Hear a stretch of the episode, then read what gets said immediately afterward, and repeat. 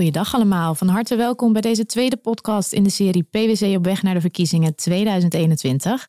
Mijn naam is Anouk Derksema en ik zit hier vandaag wederom met mijn co-host Selwin Moons. Goedemiddag Selwin. Goedemiddag Anouk. Hoe is het? Daar zitten we weer. Zitten we weer, ja. Nog steeds corona?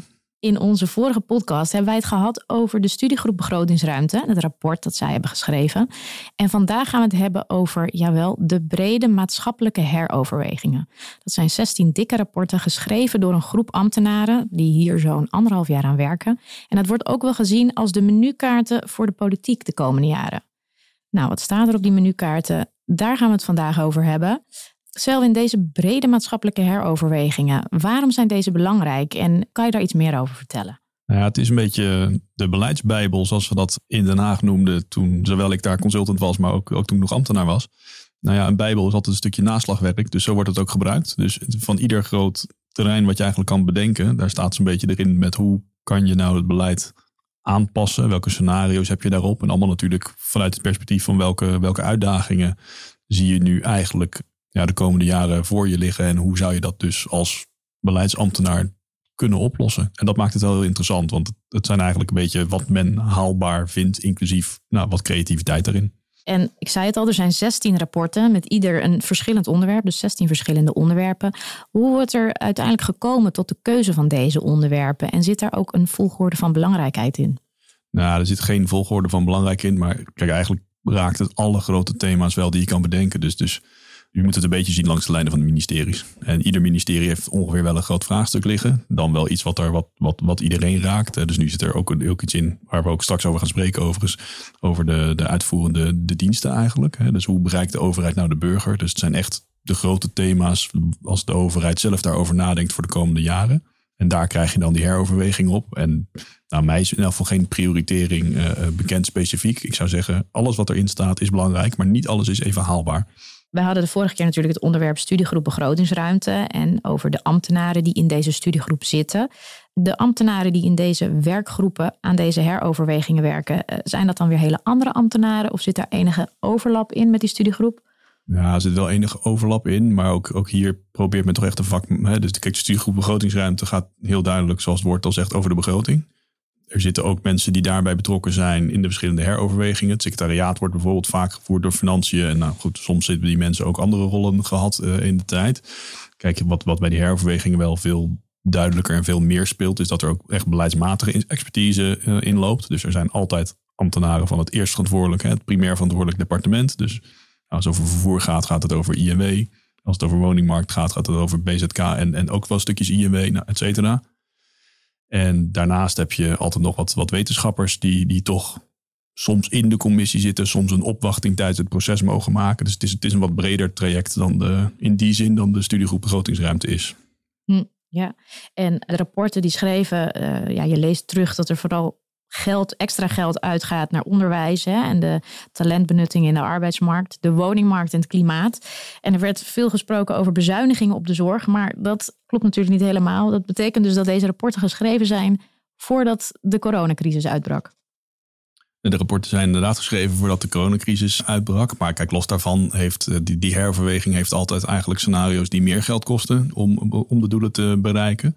Maar er zitten ook altijd varianten in waarbij eigenlijk geld bespaard wordt. Dat is eigenlijk het standaard format waarmee de, de heroverwegingen worden opgesteld.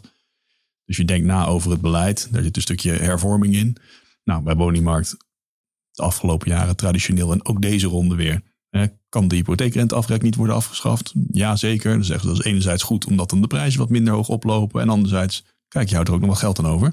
Dus er zit altijd een, een variant in, in nou ja, wat je met wat extra geld kan doen, maar ook zeker varianten wat je met minder geld kan doen. Ja, dus de verschillende opties, vandaar ook een soort menukaart. Ik bedoel, op een menu bestel je ook niet alles, dus, dus of het een of het ander. Op een menu bestel je niet alles en op een menukaart heeft ook alles een verschillende prijs. En dat geldt hier, uh, geldt hier precies hetzelfde. Ja, precies. Um, en ik wil met jou even inzoomen op een van die rapporten. Uh, dat is nummer 7, ruimte voor woningen. De woningmarkt is natuurlijk een belangrijk onderwerp en eigenlijk ook een pijnpunt hè, in Nederland. Eh, er zijn te weinig woningen, te weinig betaalbare woningen. Kijkende naar dat rapport, wat viel jou op? Wat vond jij opmerkelijk? Ik heb eigenlijk op, op verschillende manieren naar dat rapport gekeken. En, en ook de reden dat we nou ja, van tevoren dachten van welke zullen we eens doen. En daar hebben we natuurlijk ook even over gehad. En toen kwamen we uit bij woningmarkt en, en straks een die ook eigenlijk de afgelopen week heel prominent weer naar boven is gekomen in het kader eigenlijk van de Belastingdienst. Maar daar komen we dan straks op. Kijk, bij die woningmarkt is het ook wel zo dat de verwachting is dat er toch weer een ministerie voor wonen komt. En ik vond dat dan wel interessant om dus te kijken van wat is er nou eigenlijk dan in die heroverweging over die woningmarkt op tafel gelegd over hoe je dat probleem van dat gebrek aan woningen eigenlijk kan oplossen. En ik ging daar heel hoopvol in. En ik kwam er niet per se heel hoopvol uit. Eh, omdat je toch eigenlijk nou, een, paar adviezen ziet die erg te maken hebben met, laten we zeggen, de regierol van het Rijk op die woningmarkt. Dus, dus probeer toch, laten we zeggen, iets meer de centrale planning te herstellen. Om maar eens even bijna in communistische termen te gieten. Tegelijkertijd zie je dat ze ook wel zeggen dat echt korte termijn winst niet voorhanden is. dus, dus hoe zorg je nou echt voor een snellere, snellere stijging van het, van het aanbod van het aantal woningen? Ja, daar, daar, daar blijft ook het rapport nog nou, feitelijk zeggen ze gewoon, die korte termijn zien we, zien we ook niet zo makkelijk tot stand komen. En toen dacht ik, nou, dat wordt een pittige klus voor de nieuwe minister. En ik had misschien in die zin ergens een klein beetje hoop dat er, dat er iets meer zou instaan op, op dat terrein. Tegelijkertijd begrijp ik heel goed dat er quick fixes niet bestaan. Dus ik bedoel, het is heel logisch wat er staat. Maar ik denk wel, gewoon, dat wordt een pittige klus voor die nieuwe minister. En daarom vond ik hem wel interessant. Ja, ik vond ook dat het heel erg marktbenaderend was. Er werd wel inderdaad toegegeven, nou, er zijn inderdaad te weinig woningen. Maar over het betaalbaarder maken van woningen werd eigenlijk helemaal niets gezegd. Er werd zelfs gezegd de huurprijzen hè, die moeten omhoog en de huurtoeslagen moeten omlaag. Eh, om het meer marktconform te maken. Maar is dat dan niet heel tegenstrijdig qua gevoel? Als je zegt ja, maar we hebben juist een tekort aan betaalbare woningen. Nou, kijk, uiteindelijk ehm, als je een woning moet verschaffen aan iemand, dan wil je daar de juiste prijs voor krijgen als je hem bouwt. En dat zit hier natuurlijk heel duidelijk achter van, van laat die woningmarkt beter functioneren en kijk goed naar zaken die verstoren dat die woningmarkt goed functioneert. En dat heeft het element van de regionale planning. Hè. Dus, dus zorg dat bouwlocaties ontsloten worden. Verbind dat ook met vervoer. Hè. Dat wordt duidelijk een, een verband geslagen in het rapport met zorg ook dat je dat verbindt aan vervoersconnecties die er moeten worden aangelegd. Haal de prikkels weg in het systeem, zoals de, de hypotheekrenteaftrek, maar ook inderdaad het aantal van de, van de toeslag, dus de huurtoeslag. Maar haal wat van de prikkels weg die leiden tot het opdrijven van de effecten voor de prijzen. En dan wordt met name aan die, aan die hypotheekrenteaftrek gerefereerd, waarbij ze zeggen dat dat ongeveer tot een, eh, nou, een prijsstijging van in de orde grootte 15% uh, eh, voor zijn rekening zou nemen, puur door het bestaan van die aftrek. Ja, en dan zeggen ze daarnaast nog van ja, kijk, eh, denk ook echt even na over wat de insider-outsider problematiek eigenlijk heet. Dat je heel veel mensen nu hebt die overwaarde hebben in een woning en dus best nog wel wat flexibiliteit hebben. En je hebt allemaal starters. En met name voor die starters die die, die overwaarde niet kunnen meebrengen, zie je steeds verdere uitdagingen. En ja, goed, hoe kan je daar dan een oplossing voor doen? En dan praat je over fondsvorming, andere type aanbod van woningen, et cetera. Dus ik vind het wel logisch eigenlijk, die, die combinatie persoonlijk. Want ook over de rol van beleggers op de woningmarkt, hè, die, die de starters het moeilijk maken, daar werd eigenlijk niets over gezegd. Waar zie jij kans om de overheid hierin te kunnen helpen? Nou, ik denk dat uiteindelijk de grotere kansen die we zitten, zitten volgens mij toch in, in, in de samenwerkingen die, die je eigenlijk ziet. Dus zij zeggen, nieuwe gebieden moet je eigenlijk ontsluiten met vervoer. Daar komt het denk ik grotendeels op neer. Dus, dus die hele planologische uitdaging die, die ligt rond wonen, die zien zij, of daar doen ze een kleine suggestie ook voor, van die ligt breder. Die ligt ook heel duidelijk op het ontsluiten dan van die gebieden. Dus denk aan een weg of denk aan een openbaar vervoersverbinding. Hoe kijk je nou naar die ruimtelijke planning en dan in de combi van woningbouw plus het aanleggen van de juiste vervoersverbindingen? Ik denk dat dat heel interessant is. Tot zover het vraagstuk wonen. Blijft een interessant thema voor ons van eh, de publieke sector om te blijven volgen. Een ander rapport wat ik ook even met jou uh, toch nog even toe wil lichten. Dat is rapport nummer 13. Een betere overheid richting burgers en bedrijven. Er staat onder andere dat hè, er van de overheid verwacht wordt dat zij een persoonlijkere en betere benadering hebben, ook richting de burgers. Als je naar dat rapport kijkt, wat, wat is jou opgevallen? Kijk, een van de redenen waarvoor het denk ik voor ons zo interessant is, eh, dat is uh, enerzijds omdat we natuurlijk net het uh, rapport van de commissie van Dam hebben gehad. En dat is eigenlijk een van de organisaties die ook inspiratiebron is geweest voor, voor de analyses in dit rapport. En dat gaat over de Belastingdienst.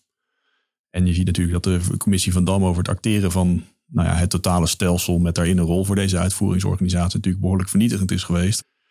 Dus dat was een reden waarvoor dit een heel interessant rapport is. En tegelijkertijd zie je dat het rapport ook nog wel heel erg zoekend is. Dus dit rapport is, is, is nog het meest misschien wel in de gedachtevormende fase.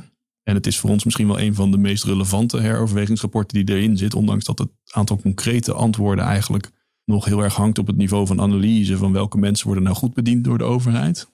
En, en welke Ja. mensen blijven nou eigenlijk achter? En hetzelfde voor de bedrijven. Welke bedrijven kunnen nou makkelijk in dat systeem van de overheid functioneren, maar wie heeft het nou ook heel moeilijk in? En dat raakt eigenlijk heel veel van, van de PwC-dienstverlening. Of het nou gaat over cultuurtrajecten of organisatieinrichting of ICT-ondersteuning. Eigenlijk komen al die dingen in dat rapport naar boven. En je ziet de overheid daar eigenlijk nog zoeken met hoe ze die rol ja, moeten doen. En, en wat ze vooral willen is betere dienstverlening. Maar goed, dat betekent eigenlijk nogal wat. Het is makkelijk opgeschreven. Het is, Ja. het is heel breed. Het is heel veelomvattend. Het, het kost ook, denk ik, best wel veel geld. En op zijn minst heel veel inspanning. Ja, en die hele uitwerking die, die is breder dan die heroverweging nog heel erg aan de gang. En dat is echt iets eh, waardoor we ook waarschijnlijk geraakt worden. Waar trajecten opkomen, waar veranderingen bezig zijn, maar ook nog komen gaan. Ja, een rapport in verandering dus. En dat moeten we vooral blijven monitoren. Ja, en ook nadenken wat het voor ons betekent. Eh, ik bedoel, monitoren. Het rapport monitort eigenlijk al, zou ik haast zeggen. Terwijl normaal gesproken liggen de opties echt op tafel. En hier, nou ja, hier ligt vooral een groslijst aan, aan beelden nog op tafel. Maar ik denk dat het ook wel een opgave is om te bedenken hoe we dat zouden kunnen doen. In acht nemend wat het, wat het kost om een grote overheidsorganisatie echt te veranderen. En hoeveel nou ja, politiek en menselijk kapitaal dat denk ik ook kost van de bestuurders in de overheid. Die misschien niet gewend zijn om zulke grote transities met organisaties te moeten maken als waarvoor ze nu staan. En dat, dat is zowel organisatieculturen als ook een stuk, eh, een stuk van de IT, wat natuurlijk binnen de Rijksoverheid niet het meest populaire onderwerp uiteindelijk is, maar wat ook in het rapport heel duidelijk naar voren komt als een, ja, een belangrijke kans, maar ook wel als een belangrijke bedreiging. Ja, ja. En jij zou dus wel een stapje willen doen eigenlijk richting die overheid om mee te denken met oplossingen en eh, de Ja. hulp in de hand te bieden. Ja, ik denk dat we een stapje moeten doen. Het is ook een groot deel van de, van de strategie van de publieke sector om daar een bijdrage te willen doen. Ja, die zitten, nou wat ik, wat ik net al zei, van IT tot organisatievorming. En ze, ze zijn weer net wat anders per uitvoerende dienst. Hè? Dus, dus daar heb je ook echt de, de, ja, de, de kennis van die organisaties wel echt voor nodig om ook te bedenken hoe dat succesvol kan zijn. Vraagt dat we echt in de schoenen van die klant gaan staan en dan bedenken van wat is nou een haalbare route om die dienstverlening echt te verbeteren. Ja. Daar worden denk ik hele interessante trajecten. Ja, zeker. Dat waren de brede maatschappelijke heroverwegingen. En we hebben het kort gehad over de woningmarkt en een betere overheid richting burgers en bedrijven. Ja, 160 pagina's per rapport. Dus wellicht niet dat ieder de tijd heeft om ze allemaal door te nemen. Maar ik kan me wel zo voorstellen dat voor ons binnen de publieke sector je toch zeker hè, het rapport tot je moet nemen. Ja, ik zou dat, ik zou dat zeker doen. En, en, en ook, het is ergens ook wel leuk om, om, om na te denken over juist die, die thema's die nog niet helemaal uitgekristalliseerd zijn. Want daar ligt gewoon ook nog wel ruimte voor de adviesbureaus om nou ja, die klant echt te helpen in wat opener speelveld. Mooie dingen om eh, te blijven volgen en op te gaan pakken. Cel, en ik wil jou eh, wederom heel hartelijk bedanken voor jouw eh, tijd vandaag. Het was weer een interessant en leuk gesprek. Dankjewel Anouk. En aan alle luisteraars uiteraard enorm bedankt voor het luisteren. Mocht je verdere vragen of ideeën hebben, laat het ons vooral weten. Tot een volgende keer. Dag.